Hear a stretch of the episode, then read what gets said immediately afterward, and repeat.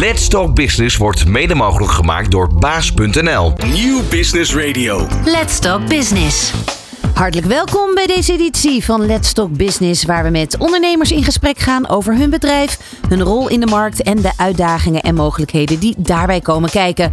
Ja, en jongeren zijn er maar druk mee. Werk. De recente opmars van quiet quitting, een beweging die aanstoot, aanspoort om de traditionele arbeidsmarkt vaarwel te zeggen. Het explosief stijgende aantal ZZP'ers zonder ervaring in loondienst en de hang van jongeren naar voldoening buiten hun baan. Een interessante mix van factoren waar werkgevers Nederland niet omheen kan. Een nieuwe generatie staat op om de werkvloer op te gaan. Zij zullen succes moeten herdefiniëren en balans moeten omarmen. Zo luidt het intro van de recente blog uh, van Maximiliaan Krijsman, algemeen directeur van ASA. Het uitzendbureau dat studenten, starters en young professionals de baan helpt vinden die echt bij ze past. In deze editie van Let's Talk Business ga ik met hem in gesprek over hoe de werknemer van de toekomst eruit ziet. Hoe hij of zij denkt, voelt en werkt. Waar komt deze nieuwe wind vandaan en hoe kunnen we zorgen dat werkgeluk en het succes van organisaties aan elkaar verbonden blijven? Je hoort het in dit uur van Let's Talk Business. Ondernemende mensen, inspirerende gesprekken, innovaties en duurzaamheid. Let's Talk Business. Met Fabienne de Vries. En met Maximiliaan. Hi. Hi. Dankjewel. Welkom. Leuk om hier te zijn. Ja, goed dat je er bent. Um, nou, een super in, we gaan eerst even kennis maken met jou. Een super interessant onderwerp als je het mij vraagt. Want ik denk, werknemers zitten met hun handen in het haar. Waar halen we goede nieuwe mensen vandaan? Terwijl, nou ja, er toch een hele hoop nieuwe mensen eh, opgeleid worden vandaag de dag. Dus hoe is die match? Tegelijkertijd hoor je ook wel over sollicitatiegesprekken um, van werkgevers. Nou, absurde eisen vanuit de nieuwe generatie. De generatie wil het allemaal zelf bepalen. Nou, daar zit een soort van gap. Maar tegelijkertijd dus ook voor jullie als ASA-talent. Um, een uitdaging om die verbinding te leggen en te maken. Jij bent algemeen directeur. Je bent hartstikke jong.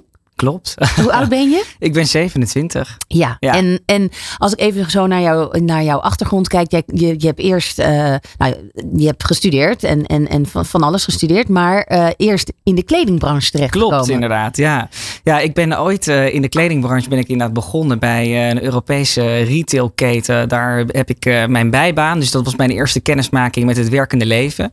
En ik kan me heel goed herinneren nog dat ik daar een beetje verliefd ben geworden. Hoe gek dat ook klinkt op uh, werken. En dat ik de, de impact die je kan maken door met elkaar op zaterdag in zo'n winkel op die vierkante meters daar te bepalen hoe hard die kassa gaat rinkelen. Uh, en de keuze om dan op een regenachtige zaterdag de regenponcho in de etalage te hangen en de zomerjurken weg te halen en dan daarmee geld te verdienen voor een organisatie.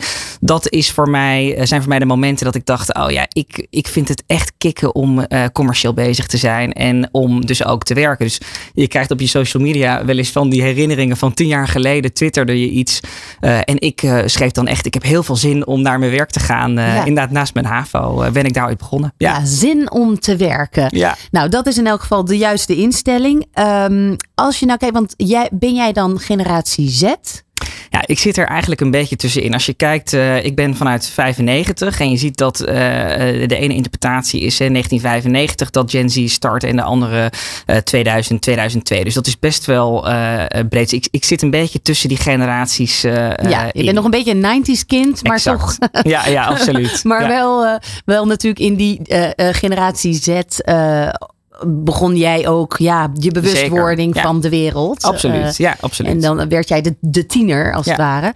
Ja, want, want hoe zou je die generatie Z, Z omschrijven?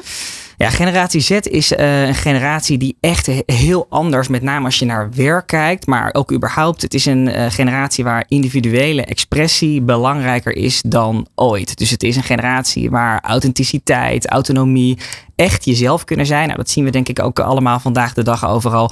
Dat is echt extreem belangrijk. En als je dan kijkt naar bijvoorbeeld hè, hoe vertaalt dat zich naar een fijne werkplek, zien we gewoon dat we uh, in een hele grote transformatie met elkaar zitten in wat deze generatie nodig heeft. Ja, ja en daar is natuurlijk uiteindelijk de afgelopen jaren de hele corona-situatie bijgekomen. Klopt. Wat ook weer voor een hele nieuwe nou ja, instelling en, en, en, en nou, van, van alles heeft, een verschuiving Ja. heeft gezorgd. Want wanneer begint dan generatie Alpha? 2010 begint generatie Alpha. Ja, dus dat zijn nu de, ja, de kinderen echt nog die misschien met hun eerste bijbaan beginnen. Dus de, alle onderzoeken daarover zijn waanzinnig interessant. Maar we kunnen natuurlijk nog niet heel veel zeggen over hoe zij in het werkende leven dingen ervaren. Maar nee, die staan wel om de hoek om de arbeidsmarkt wel op te gaan. Ja, want hoe zou dat veranderen? Hoe, hoe, hoe, hoe denk jij dat generatie Alpha omschreven gaat worden als werknemer? Ja, wat we nu zien is dat Gen Alpha heel erg de versterking en de overtreffende trap van wat we bij Gen Z zien, dat uh, vertaalt zich ook weer door naar Gen Alpha. Het e-, enige echte grote verschil wat we zien is dat dit uh, mensen zijn die geboren zijn met een digital footprint. Dus die zijn vaak al vanaf de geboorte hebben ze een social media account, een, een online ID zou je eigenlijk kunnen zeggen. En dat was bij Gen Z echt nog wel anders, waar er echt nog ook wel een hele grote offline wereld was toen zij opgroeiden. dus daarin zie je dat bijvoorbeeld, wat nu uit de eerste internationale onderzoeken blijkt, dat deze generatie het voor het eerst heel erg belangrijk gaat vinden met hè, hoe staat de digitale structuur van een organisatie ervoor. En dat maakt dan heel erg belangrijk of een werkgever wel of niet interessant is. Ja, ja we gaan het straks ook hebben over de platformisering van ons, uh, van, van ons werkende leven, of van onze arbeidsmarkt. Even terug naar ASA, want ASA uh, is een afkorting van. Ja, dat is uh, grappig. Dat is uh, meer dan 50 jaar geleden uh, bedacht door de oprichters om vooraan in het telefoonboek te komen. Algemene studentenarbeid. en wat wij inderdaad doen is wij bemiddelen jong talent. Dat is in die afgelopen jaren nooit veranderd. die echt op de beginfase van hun carrière zitten op de arbeidsmarkt. Maar jij bent 27 en je bent algemeen directeur van een bedrijf dat al 50 jaar bestaat. Ja. Daar mis ik even een soort. Ja, ja nee, dat is inderdaad na die periode dat ik inderdaad ik had die bijbaan, ik uh, deed mijn HAVO-eindexamen en ik had gewoon heel erg veel zin om meer verantwoordelijkheid uh, te krijgen over ergens in een organisatie. En uh, de optie die er toen was, is om te zeggen: Oké, ik ga mijn studie, ik heb international business gedaan in Amsterdam, deeltijd. Dus dat betekende dat ik op dinsdag en donderdagavond college had, zaterdagochtend Cambridge, English en um, eigenlijk gewoon fulltime werkte. Dus ik ging een management traineeship in bij de werkgever waar ik ook een bijbaan had ja, eerder. Bij dus, de kledingbedrijf? Precies, dus ik ben gewoon heel erg jong begonnen met fulltime werken. Uh, omdat ik mijn studie daar dus naast deed. Nou, ik nou, of in elk geval fulltime Oh ja, want dat, dat, die baan die was fulltime. Die baan was fulltime. En in oh, studies, het is, was wel, weet je, de red race begint dan wel heel vroeg. Uh, dus ik weet niet of ik het per se mijn eigen kinderen zou uh, adviseren. Maar uh, het, ik heb het als heel erg plezierig ervaren om dat op die manier te kunnen doen. en dat kwam bij mij natuurlijk heel erg voort uit de hang om verantwoordelijkheid in een bedrijf te kunnen krijgen. En dat lukt natuurlijk niet als je ook fulltime een studie doet. Dus dat was voor mij een combinatie. Dus ik ben wel al nou ja, bijna tien jaar bezig op de arbeidsmarkt met echte fulltime werkervaring. Ja, en ASA is dan een onderdeel van R, uh, eh, RGF Staffing. Ja, klopt. En da dat is een afkorting van? Uh, Recruit Global Family. En dat is eigenlijk de moederorganisatie, internationale moederorganisatie van een hele hoop merken binnen de HR-dienstverlening. Ja, dus uniek. Ja, Start People, Secretary Plus. Dat zijn allemaal, allemaal bedrijven. recruitment ja. gerichte bedrijven. Klopt.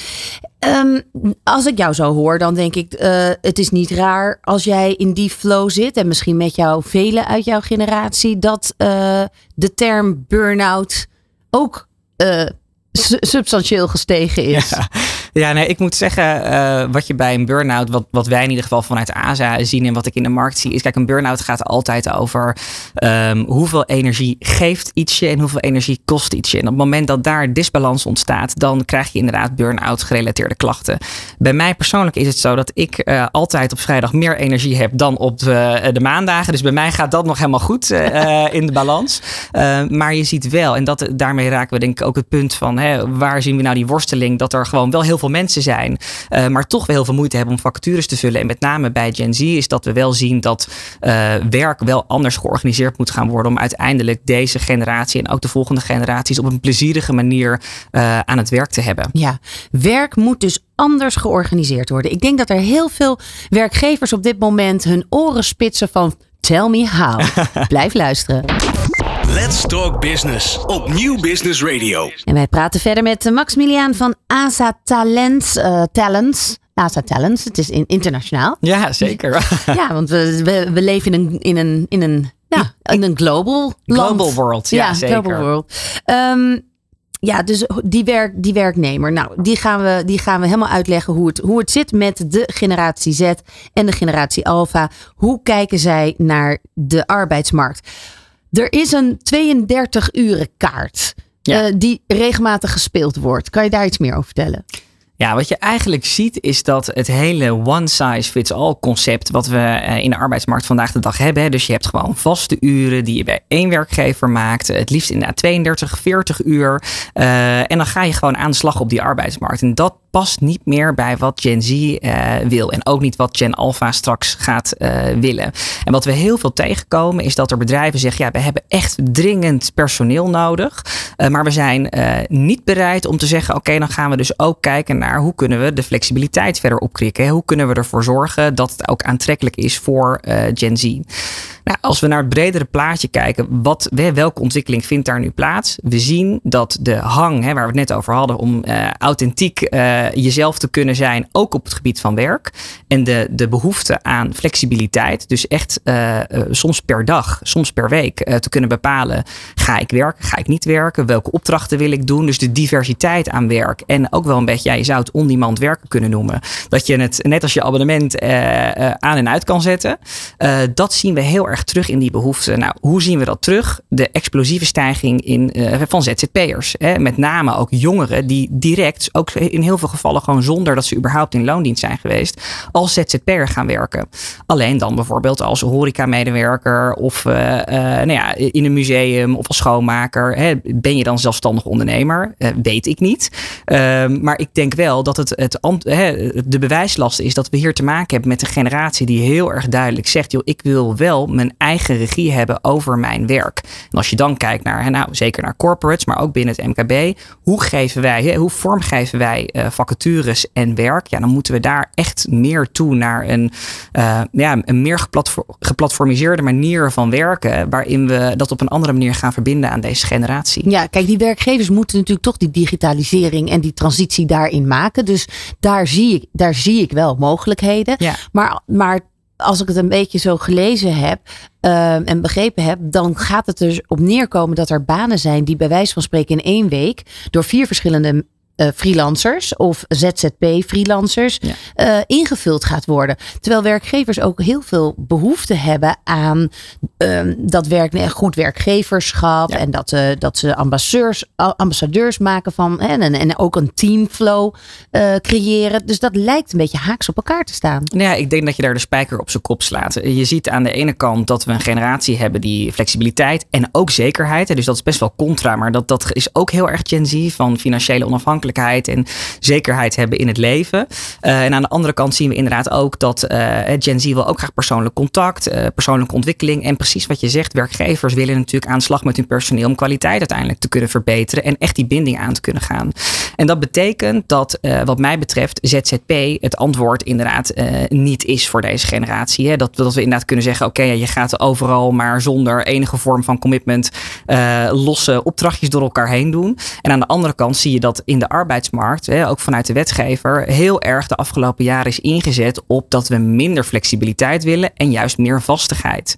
En we moeten toe naar een eh, arbeidsmarkt waarin we zeggen: oké, we kunnen wel die zekerheden eh, bieden die je als ZZP'er misschien minder hebt. Hè. Dus inderdaad sociale zekerheden, maar ook als je ziek bent, dat je gewoon eh, dat dat opgevangen wordt, dat je pensioen opbouwt. Echt wel hygiënefactoren in werk, voor werk wat mij betreft. En aan de andere kant dat we ook zeggen: oké, we, we je hebt dat dienstverband, maar je hebt wel die flexibiliteit in je werk. Dus wat zijn dan oplossingen of denkrichtingen? Dat je gaat zeggen: oké, en dat zien we bijvoorbeeld bij heel veel opdrachtgevers. eh, we gaan eh, eh, met een vaste pool werken, waarin we bijvoorbeeld zeggen: oké, we hebben verwachten dat je minimaal één keer in de drie weken in ieder geval beschikbaar bent, zodat we binding met jou hebben, je kunnen opleiden.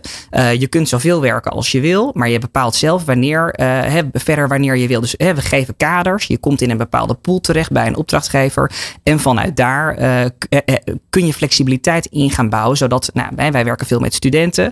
Uh, ik heb tentamenweek, dus ik kom drie weken niet werken. En dan is dat geen probleem. Nou, als je nu kijkt naar de arbeidsmarkt en de contractvormen die we kunnen bieden, is dat soms wel een probleem. Omdat iemand, weet je, er zit een wederkerigheid in die vastigheid. Dat moet mm de medewerker ook bieden. Ja, en dan is ZZP nu de oplossing. En wat mij betreft hoeft dat niet het enige antwoord te zijn. En ligt er ook een verantwoordelijkheid bij ons als staffingorganisatie om te zeggen: oké, hoe kunnen we daarin het antwoord bieden om aan de ene kant bij die werkgever te zorgen dat dat werk gewoon eh, goed gedaan wordt met mensen waar je inderdaad in investeert en die vast voor je werken. En aan de andere kant ook wel dat we aan uh, de, behoeften van de medewerkers te, uh, tegemoet gaan komen van hey, er is een bepaalde mate en rek in de flexibiliteit van het werk. Ja, ja want jij noemde net al werk, de wetgeving. Er was een periode dat het heel moeilijk was om mensen te ontslaan. Vervolgens kwam daar echt een kentering in en, en was het dus heel makkelijk, werd het makkelijker. Ja. Uh, dus werd, werd het ook makkelijker om weer met ZZP'ers te werken. Want ik, of hè, mensen na het één of twee jaar weer eruit te tikken. Waar staat dat nu? Wat, wat, want jij, je twijfelt dus eigenlijk aan de toekomst van de ZZP'er. Ja, van de, ik denk de ZZP'er, dan heb je het. Gaan die het moeilijk krijgen de komende tijd? Ja, je ziet dat als je het even vanuit uh, de wetgeving belicht, dan zie je dat de overheid natuurlijk ook uh, aan het stoeien is met ja, wanneer is iemand nou wel of uh, geen zelfstandige ondernemer? Is inderdaad een schoonmaker, een zelfstandige ondernemer, een horeca-medewerker in een restaurant, een verpleegkundige in een ziekenhuis? Hoe, hoe, hoe, hoe bepalen we dat met elkaar en welke afspraken maken we daarover? Wanneer nou, wordt het vast dienstverband? Wanneer wordt het vast dienstverband? Nou, daar komt een inbeddingscriterium waar, druk mee bezig is om te kijken hè, wanneer is een functie nou in te bedden en dus eigenlijk een vaste functie en wanneer is iemand met een zelfstandige opdracht bezig en eigenlijk zonder uh, dat iemand daar uh, echt een leidinggevende daar een grote rol in speelt betrokken bij de organisatie. Um, dus daarin denk ik inderdaad dat de ZZP'er aan zich, daar geloof ik, ben ik heilig van overtuigd. Dat past ook bij Nederland, een ondernemend land. mensen, weet je, zeker ook als je kijkt naar hoe werk zich ontwikkelt, is denk ik een hele prominente rol voor ZZP nog steeds weggelegd. Ik denk alleen dat wat we nu zien, dat we echt wel doorslaan. In dat er dus heel veel, uh, dus ook studenten zijn die direct als ZZP'er aan de slag gaan. En niet omdat ze denken, hey, ik vind het heel erg leuk om een btw-aangifte te doen of om een belasting uh, te reserveren iedere week. Maar omdat ik gewoon flexibiliteit wil. En daarin zie je, uh, om terug te komen op jouw vraag, dat de, de wetgever juist wel heel erg heeft geïnvesteerd in dus dat, dat die flexibiliteit een beetje ontmoedigen. Dus we hebben allerlei wetgeving gehad de afgelopen jaren die zegt, oké, je mag niet zo heftig op- en afschalen. En je moet een bepaalde vaste arbeidsomvang afspreken al in een veel eerder stadium dan dat dat voorheen moest gebeuren uh, met je medewerker. En dat is op zich denk ik heel erg goed, want zekerheid en vastigheid, dat, dat hoort uh, uh, wat mij betreft is dat onderdeel van je bestaan en je werkende bestaan. Tegelijkertijd moeten we denk ik ook op het moment dat we zien dat er doelgroepen op die arbeidsmarkt zijn die zeggen, hé, hey, maar ik wil wel de keuze hebben om zes weken fulltime te werken, drie weken niet te werken en verschillende opdrachten te combineren, dat we ook daar een contractvorm, een dienstverbandsvorm met elkaar voor uh, ontwikkelen. Ja. ja, het is ook wel. Um, uh, wat ik ook wel een beetje hoor linksom rechtsom van werkgevers is dat ze toch ook wel met die werkethos een beetje moeite, moeite hebben. En, uh, de, de digital nomads, het moet maar allemaal. Het begon eigenlijk al bij digitale bedrijven of eigenlijk technische bedrijven dat er, nou ja, de, de tafelvoetbal, uh, tafelvoetbal moest minstens ergens zijn en of er nou s'nachts gewerkt werd en je mocht je eigen vakantiemomenten inplannen. Ja, ja dat het, het, het vrije leven van die nieuwe generatie Um, komt ook een beetje misschien wel arrogant, misschien verwend. Hè? Laat ik het even naar een extreme doortrekken over hoe groot is die gap nog tussen de werkgevers in Nederland en die instelling, die werkethos? Nou, ik vind het heel interessant dat je dit uh, zegt. Want ik denk dat dit slaat heel erg op hoe uh, Gen Z in het leven staat. Even als je uitzoomt, dan zie je dat dit een generatie is die heel erg zegt: werk is onderdeel van mijn leven en niet andersom. En dan hoor ik heel veel mensen met wie ik het hier over heb. Ja, maar dat, dat is toch voor iedereen zo? En dat, dat is niet waar. Weet je, je ziet dat op dit moment de, de voorgaande generaties hebben heel erg werk is een hoeksteen in je, in je leven en je verhuis verhuist voor je werk en je stemt je gezin af op je werk. En uh, daaromheen ga jij je leven verder uh, op en uitbouwen. En dat, dat ziet deze generatie anders. Die zegt nee, werk moet een onderdeel zijn van mijn levensgeluk. En dat past ergens in dat plaatje. En als je natuurlijk door die bril gaat kijken, is het helemaal niet onlogisch dat zij zeggen: hé, hey, waarom moet ik werken binnen iedere dag van 9 tot 5, 40 uur per week, om het werk te doen wat ik misschien wel, waar ik het beter resultaat, of in ieder geval hetzelfde resultaat kan opleveren, op binnen mijn eigen tijdskaders daarin. En dat zijn allerlei voorbeelden die, die daar denk ik heel erg sprekend in zijn. Wat ik daar dan weer interessant in vind, is de, de honorering daarin. Want uh, hoe zit dat dan met de verandering van salarissen? Als je zegt, ja, ik kan dezelfde resultaten behalen. Als we dan toch het, stukje succes herdefiniëren erbij pakken. Waar, waar zit hem dan succes in en hoe moet dat betaald worden? Ja. Nou ja, dat is denk ik super interessant. Kijk, wat je ziet is dat uh, organisaties die heel hard sturen op input, dus er moet bepaald volume in om uiteindelijk uh, bepaalde resultaten met elkaar te kunnen bereiken onderaan de streep. Dat is iets waar Gen Z over het algemeen niet zo heel lekker op gaat. Hè. Dus de vraag is veel meer van oké, we willen als bedrijf, hè, wanneer zijn we succesvol? Dat is sowieso heel interessant, want wanneer ben je succesvol? Maar laten we zeggen, hè, je hebt een bepaald resultaat wat je nastreeft. dat je vervolgens de, de tools, de middelen, de opleiding en ook de hè, want zo is Gen Z dan ook wel weer, uh, beschikbaar stelt, maar vervolgens wel de bal neerlegt bij de medewerker van hey, hoe denk jij dat je dit het beste kunt gaan bewerkstelligen en daarbij helpen. En daarin zie je nu dat we toch nog heel erg in de wereld leven van joh, we hebben allemaal vijf jaar eerst bij de kopieermachine gestaan en we gaan uh, gewoon hier op kantoor de meters maken en vanuit daar kan jij doorgroeien, ontwikkelen en kan jij misschien wat meer vrijheid krijgen. Ja, en dan zie je dus inderdaad dat je een mismatch hebt met de, hè, dat het arbeidsmarktpotentieel wat er is, dat je dat moeilijk benut gaat krijgen als organisatie. Ja, er, uh, er is wel een manier waardoor, uh, nou ja, waar je, waarmee je kan groeien, ondanks dat je dus te weinig personeel kunt vinden. Ja. En toch is het mogelijk. En daar zit, daar zit een plat, de, de platformisering zit daar uh, als onderdeel Zeker. in. Hè? Ja. Okay. Dit is Nieuw Business Radio. Let's Talk Business. Ja, uh, de filosofie dat werk een onderdeel van het leven is en niet andersom. Dat te omarmen, dat zou samen uh, de de, het arbeid, de arbeidsmarkt potentieel moeten opkrikken. Uh, Maximiliaan, jij zegt heroverweeg dus de definitie van succes in je bedrijf. Creëer flexibele werkmodellen en stimuleer een persoonlijke werk-privé balans. Als ik jou zo beluister, dan geldt dat, dan lijkt dat heel goed te werken voor. Um, en ook dat een baan misschien ja, door twee, drie, vier mensen opgevuld kan worden uh, voor de kantoorbanen. Ja. Maar uh, waar een enorme behoefte aan is, zijn ook de handen in de markt. Ik zag een reactie op social media zo, uh, van een buschauffeur. Die ja. zei van ja, maar hè, het zou fijn zijn uh, als mensen echt willen werken. Dus um, ja, hoe moet dat dan met de timmerman en de treinmachinisten en de, de ja. piloot strakjes dan? Ja. Uh, het wordt wel Ja. lastig als er, als er, als er hè, geen, geen vliegtuigdingen meer mogelijk zijn of het OV valt al stil.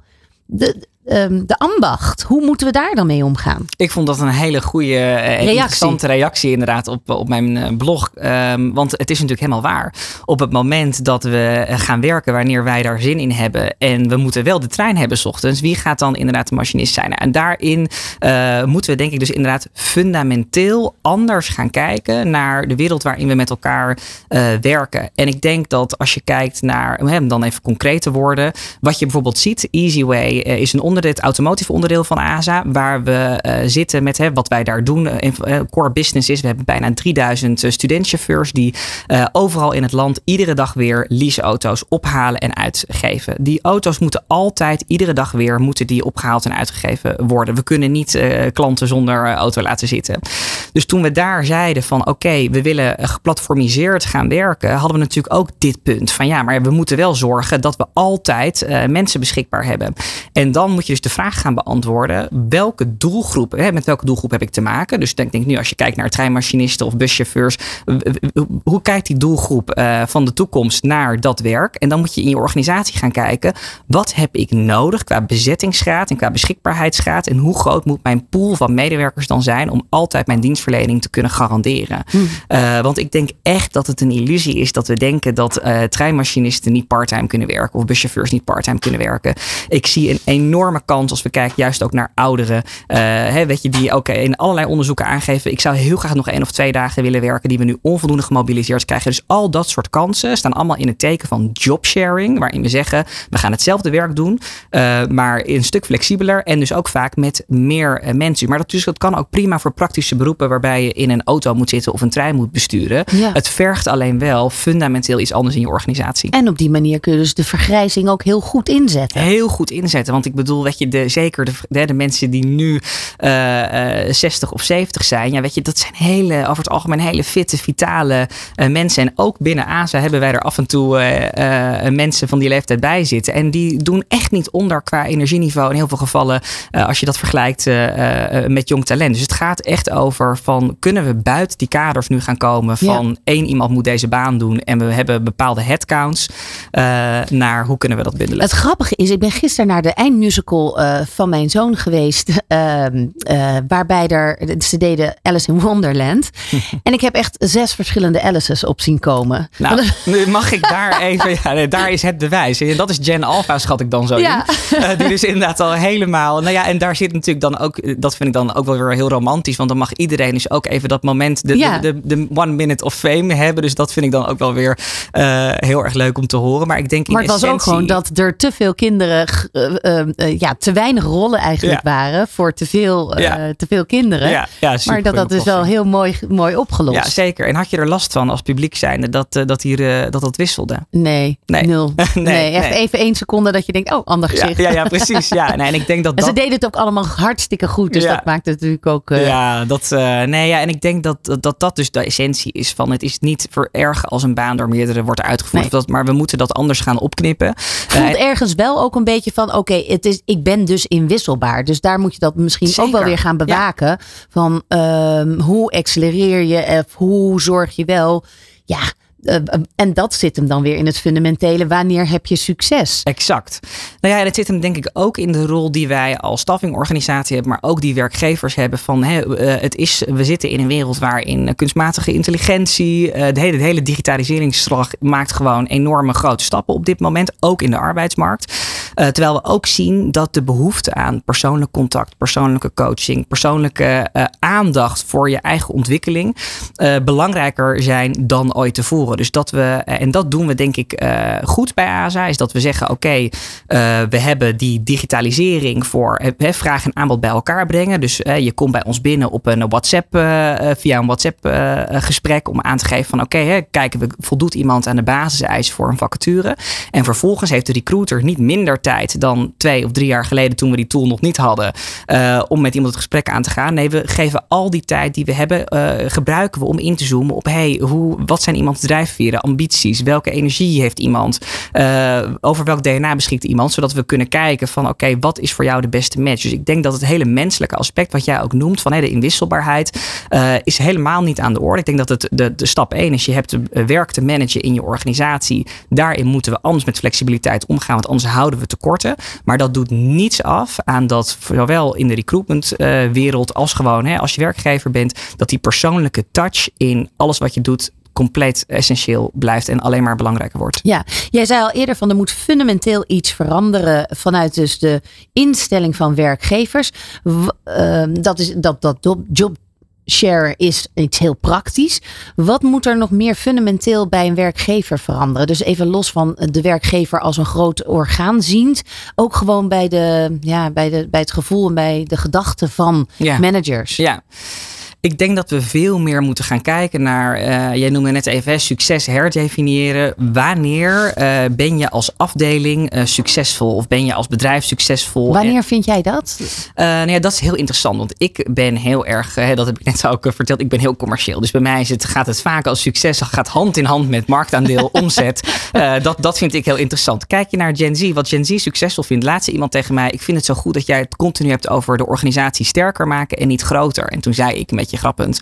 Van, maar ik bedoel wel hetzelfde daar, daarmee. en toen, uh, wat je ziet, is dat die generatie namelijk inderdaad zegt: hey, hoe succesvol zijn is op het moment dat je bijdraagt aan een betere wereld. Als je sociale impact hebt, als je mensen beter maakt, als je echt waarde toevoegt in een mensenleven of inderdaad in het grotere plaatje. En niet per se als de aandelen van de organisatie waarvoor je werkt meer waard worden. En daarin zien we ook dat Gen Z de eerste generatie is die zich daar heel duidelijk over uitspreekt. Dus kijk, wat succes voor een organisatie is en wat succes voor Gen Z is, dat zijn sowieso over de hele linie echt wel twee uh, verschillende dingen. En dan zit het hem inderdaad erin van, hey, kunnen we dat bij elkaar brengen? Nou, ik denk dat greenwashing is uh, iets wat, wat we velen zullen kennen.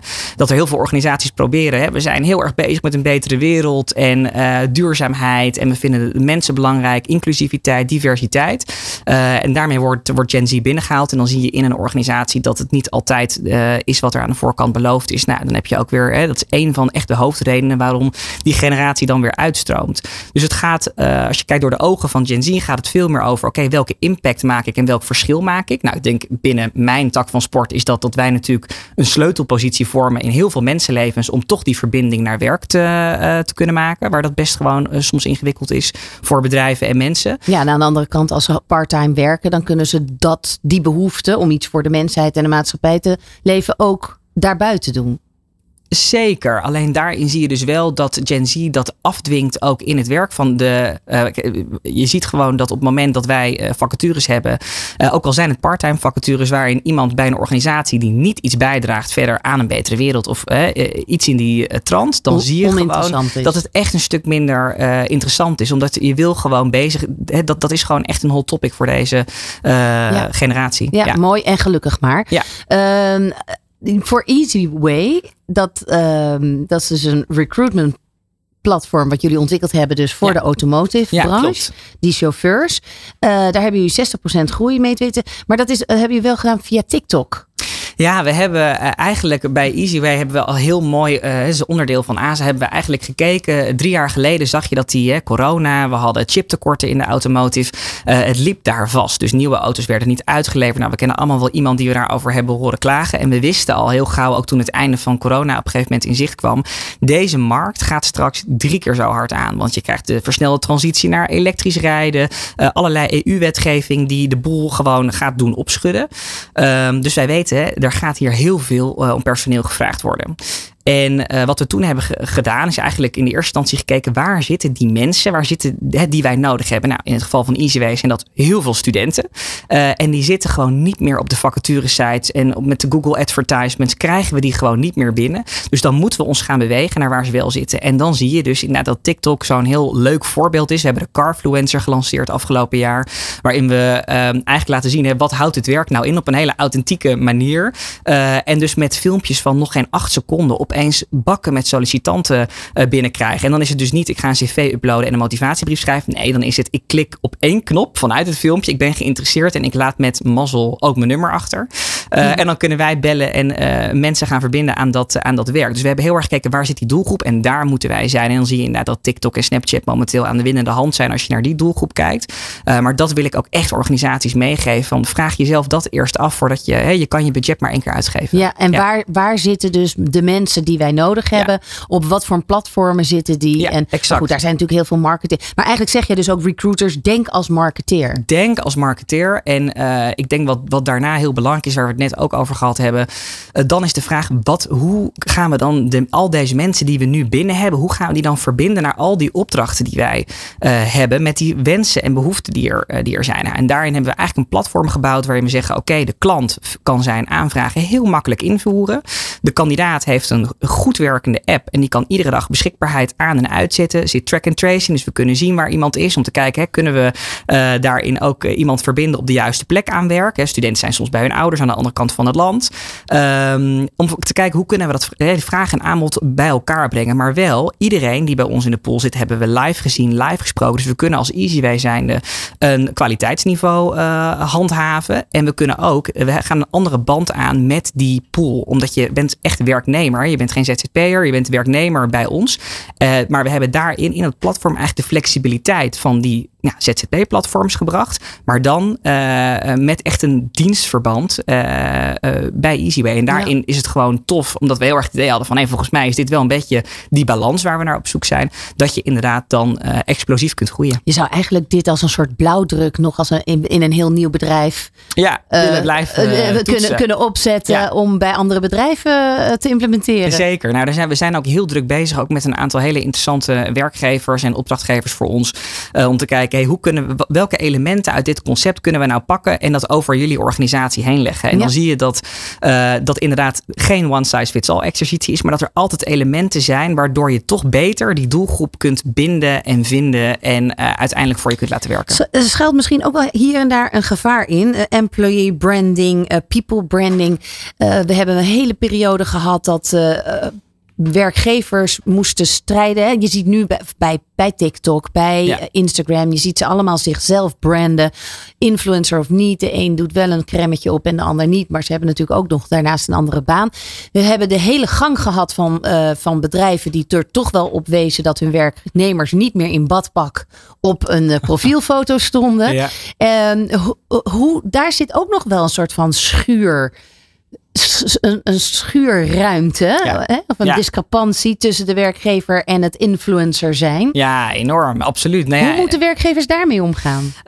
Um, dan komt die authenticiteit weer erg om de hoek kijken. Hè? Dus uh, Gen Z kiest nog veel meer dan andere generaties voor mensen. Dus als zij een echt, en dat zie je op TikTok, vind ik ook een mooi verschil. Instagram is natuurlijk niet helemaal Gen Z, uh, TikTok wel. En wat gaat daar viral? Dat zijn de filmpjes. Die wat, is, wat is Instagram dan? Ja, waar, waar behoort die de generatie? Nou ja, die die, die, zit veel meer aan inderdaad de Gen I eh, kant. En je ziet natuurlijk, ja, ja dus, dus dat, dat is echt, dat gaat ontzettend dat snel. Dat ja, dat gaat heel hard. uh, maar wat je inderdaad daar ziet, is dat juist dus die authentieke content, dus waar je wel die puist hebt, of waar je wel uh, even wat minder uh, lekker op beeld bent, of juist die, die, die humor, weet je, die ongenuanceerde humor, dat doet het heel erg goed. Dus rauw beeld, authentiek zijn. Nou, dat zie je ook bij, als je kijkt naar hè, vacatures, als wij dingen, hè, campagnes posten waarin we iemand strak in een pak door een kantoor laten lopen en alle voordelen van een baan en salaris en uh, alle arbeidsvoorwaarden laten opsommen, dan krijgen we geen sollicitanten. Maar uh, gebruiken wij humoristische voorbeelden die in de dagelijkse praktijk uh, plaatsvinden. Iemand die in de horeca al zijn drankjes laat vallen of weet je, dat soort situaties die heel herkenbaar zijn. Um, dan zien we dat we daar veel succesvoller mee zijn. Dus het, vraagt echt op een andere manier van benadering wat dat betreft. Ja, ja, dan moeten ze inderdaad echt wel een beetje um, ja, gewoon anders denken. Maar je krijgt natuurlijk altijd zo'n zo'n opschuivende werking van de ene generatie naar de andere. Dus dat is natuurlijk ook een ongoing proces. Zeker. Um, we gaan uh, het zo over de toekomst hebben. Want daar gaat ook. Ik bedoel, we hebben het al over de toekomst natuurlijk. Maar uh, ik wil ook nog wel even hoe jij daarin staat. Dit is Nieuw Business Radio. Let's Talk Business. Ja, we zijn in het laatste gedeelte beland uh, van uh, ons gesprek met uh, Maximiliaan van ASA Talents.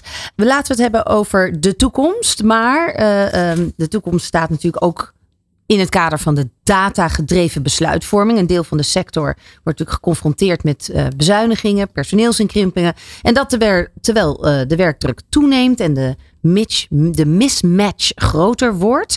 Ja, meten is weten, hè? Ja. Ja, zeker. Ik denk dat data-driven werken nog nooit zo belangrijk is geweest als nu. En ik denk dat zeker als je kijkt naar eh, het personeelsvraagstuk, dat het uh, heel veel werkgevers hebben heel veel data uh, over medewerkerstevredenheid, maar ook over productiviteit van, van afdelingen en functies en rollen. En ik denk dat het echt de hoogste tijd wordt dat we eens gaan kijken naar de correlatie tussen die twee. Want je ziet overal waar wij, bij alle bedrijven waar wij wel eens meekijken, van hé, laat ons nou eens meekijken en advies geven over hoe je bijvoorbeeld je productiviteit kunt verbeteren. Dat werkgeluk, uh, maar ook hoe bepaalde uh, zaken soms ingericht zijn, altijd heel erg hand in hand met elkaar uh, gaan. Daarin. Ja, dus het is nogal wat waar werkgevers vandaag de dag naar moeten kijken. En het geluk van hun werknemers en de data en hoe gaan we die, die vacatures invullen. Dus dat moet door meerdere, meerdere mensen gedaan worden. We moeten als marketeer werken, denken. we moeten aan people branding doen. Ja. Ambassadeurs maken van onze, ja, van onze is, werknemers. um, rekening houden met de grillen van, van gener generatie Z en, en, um, en Alpha. Ja. Al verwelkomen en daar op de toekomst op inspelen. Zeker. Wat is nou jouw belangrijkste tip eigenlijk voor de werkgever op dit moment? Ik denk voor het vinden heel erg goed nagaan waar zit, wie wil ik aantrekken voor mijn vacature en waar bevindt uh, deze persoon zich. En dat kan soms echt nog steeds het lokale krantje zijn, uh, maar in het geval van ASA is het inderdaad vaak uh, social media. Dus, dus als je dat weet, dan kun je daar heel gericht acties op in gaan zetten. En ik zie ja. nog te vaak dat bedrijven zeggen: oké, okay, we gooien alle sluizen open en we gaan maar gewoon generiek werven. en dat is echt zonde, want je hebt een doelgroep die je, die je wil aanboren en ga dan ook naar de plek toe waar die zich bevindt. Ja, en als je kijkt intern, dus dan heb je inderdaad je doelgroep gevonden online, middels de verschillende platformen. Wat moet de werknemer als, nou ja, binnen zijn pand of binnen zijn uh, team, uh, hoe, hoe rollen ze daar de rode loper uit? Ik denk dat het heel belangrijk is om uh, de dialoog aan te gaan met deze generatie. Dus dat wat namelijk het verhaal is, is dat hè, waar we het over hadden, die individuele expressie, die uh, wens heel erg om zelf te kunnen doen wat voor jou werkt. Dat is toevallig ook de slogan van ASA: doen wat voor jou werkt. Dat is namelijk wel heel erg wat, wat het is. Dus ik heb, heb, vorige week een, een heel leuk overleg gehad met een grote opdrachtgever van ons. En die zei van ja, ik heb nu, we gaan ook hybride werken verder doen. We doen dat nu naast de donderdag ook op de dinsdag. En dat is natuurlijk heel erg fijn dat die mogelijkheden er zijn. Aan de andere kant is het ook helemaal niet wat Gen Z wil. Het is natuurlijk namelijk, ik wil zelf bepalen of ik op maandag s ochtends op kantoor ben en smiddags. Dus het gaat heel erg over die persoonlijke aanpak. En dat wil ik echt meegeven. voer echt die dialoog. Ja. Geen generieke onderzoeken doen. Wat heeft iemand nodig om zijn werk goed te kunnen doen? En accepteer dat dat per collega verschilt. Ja, precies. Dus je gaat het gesprek aan met de individu. Nou, daar heb je er dan een stuk of tien van uit die generatie Z. Die komen dus met, die komen dan met een plan. Ja. En wat levert het je dan uiteindelijk op? Wat levert het je op? Ik denk dat als je als organisatie in staat bent om te kaderen op de juiste balans te hebben tussen, oké, weet je, ik denk als je kijkt naar dat hybride werken, zien we ook organisaties zeggen, joh, we zijn altijd donderdag met elkaar, want dan hebben we een bepaalde verbinding en de rest is vrij invulbaar. Dat dat hele succesvol over het algemeen, als je naar dat beleid kijkt, organisaties zijn. En dat mensen zelf prima kunnen aanvoelen wanneer het verstandig is om op kantoor te werken en wanneer dat thuis is.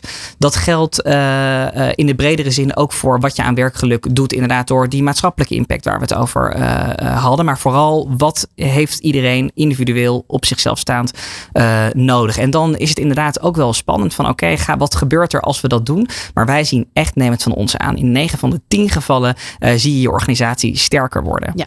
Je bent 27, algemeen directeur van ASA, een, een, een, bak aan kennis al opgedaan, maar ook zie ik jou gretig zijn naar alles wat er gaat komen. Wat is jouw, uh, ja, wanneer is jouw werk af? Of, wanneer, of wat is jouw stip op de horizon? Nou, ik zou heel graag een sleutelpositie willen blijven spelen uh, vanuit onze industrie op het stuk het arbeidsmarkttransformatie. Dus ik denk nu wat we in het klein bij EasyWay hebben gedaan. Dus inderdaad, tot hoever kunnen we technologie laten gaan? En hoe laten we dan de, het hele menselijke stuk daar parallel aanlopen? Dat dat echt eigenlijk als één groot pakket werkt. Ik denk als we, als we daarin geslaagd zijn, dan, dan, ja, dan zal er ongetwijfeld een andere uitdaging zijn. Maar dat is wel mijn stip aan de horizon. Dat we die arbeidsmarkt zo transformeren dat iedereen, hè, Gen Z, maar ook andere generaties, die nu heel graag wil werken, maar niet uh, dat op de juiste manier, mijn inziens, kan doen. Of inderdaad uh, het echt het arbeidsmarktpotentieel benutten. Ik denk als wij erin slagen als staffingorganisaties, als werkgevers, als overheid, om met elkaar te zorgen dat we die verbinding optimaal hebben. En daar zal denk ik een stukje platformisering in zitten. Uh, daar zal een stukje flexibiliteit in zitten. Daar moeten we goed die balans met elkaar gaan opzoeken. Met wat kunnen we vastleggen en wel, welke flexibiliteit kunnen we daarin toch houden. Um, ik denk dat, dat, dat dat mijn stip aan de horizon is. Want ja. weet je, daarmee kunnen we allemaal vooruitkomen. Ja. Heel mooi. Uh, tot slot, uh, het is ook, uh, ja, je hebt een hele mooie Jiddische uitdrukking, le door waardoor. We geven van generatie tot generatie door. Uh, er komt dus generatie Alpha aan voor alle ondernemers die nu luisteren, alle ZZP'ers die nu luisteren, ja. maar ook voor jou, jouw kinderen uh, uiteindelijk, uh, ja. mijn dochter die nu naar school gaat. Wat moeten wij als wat moeten wij als mens nu aan die nieuwe generatie doorgeven als het gaat om werkethos of uh, ambitie of succes? Ik denk, Het zijn wel drie verschillende dingen, maar wat Ja. is daar in jouw boodschap? Ja, ik denk dat, eh, dat er twee dingen heel belangrijk zijn voor werkgevers. Succes is iets wat voor iedereen eh, anders is. En laat ook iedereen op een andere manier succesvol zijn. Op individueel, eh, in je Niveau. organisatie, op individueel niveau.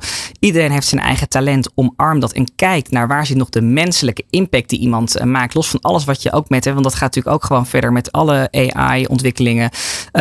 dus hey, waar kan iemand als mens de impact maken? En dat is voor Gen Alpha nog veel belangrijker weer. Want die zijn echt digital savvies. Die hebben helemaal, zijn opgegroeid in die digitale wereld. Dus laat de mens ook Laat- blijven bestaan. Laat de mens blijven bestaan en kijk naar iemands individuele talent. En accepteer dat je straks niet meer tien back-office medewerkers hebt die allemaal hetzelfde doen. Maar kijk naar waar iemands eigen persoonlijke capaciteit en kracht ligt. Eh, en aan de andere kant denk ik heel concreet moet ik dan worden. Kijk, je ziet gewoon deze generatie eh, gaat gewoon vallen voor organisaties die het goed hebben begrepen als het gaat over alle ontwikkelingen op het gebied van tech. Dus op het moment dat je gaat achterlopen en niet innovatief bent, dan zal deze organisatie nog veel heftiger dan dat Gen Z dat doet, eh, eerder afhaken. Dus dat is meer iets wat we denk ik ook allemaal heel goed kunnen begrijpen, maar waar werkgevers zich wel bewust van moeten zijn. Ja. En dan ook nog het groene gevoel. Het, het Zeker. maatschappelijke groene gevoel. groei. Groene groei. Ik denk dat inderdaad duurzaamheid. En oké, weet je, het is heel goed om als bedrijf te willen groeien en als bedrijf sterker te worden. Maar hoe help je de wereld ermee? Eh, dat is iets wat voorheen los van elkaar stond. Maar wat voor nu eh, en zeker voor de komende generatie steeds belangrijker wordt. En ook niet onlogisch. Die zijn opgegroeid in gewoon de grote milieucrisissen. Dus het zou ook heel raar zijn als die dat eh, niet belangrijk zouden vinden. Maar hoe ga je echt daad bij de woord voegen? Geen greenwashing. En zorg je inderdaad dat die boodschap samenkomt. Nieuwe, nieuwe generatie doorgegeven Ja. wordt. Maximiliaan Krijgsman, ontzettend bedankt. Heel veel succes met, eh, nou, je bent ontzettend gepassioneerd. Eh, dus ik weet zeker dat, eh, dat de lijnen nog ver zullen doorlopen. Dank je wel. Dankjewel, dankjewel. Dit is Nieuw Business Radio. Let's Talk Business.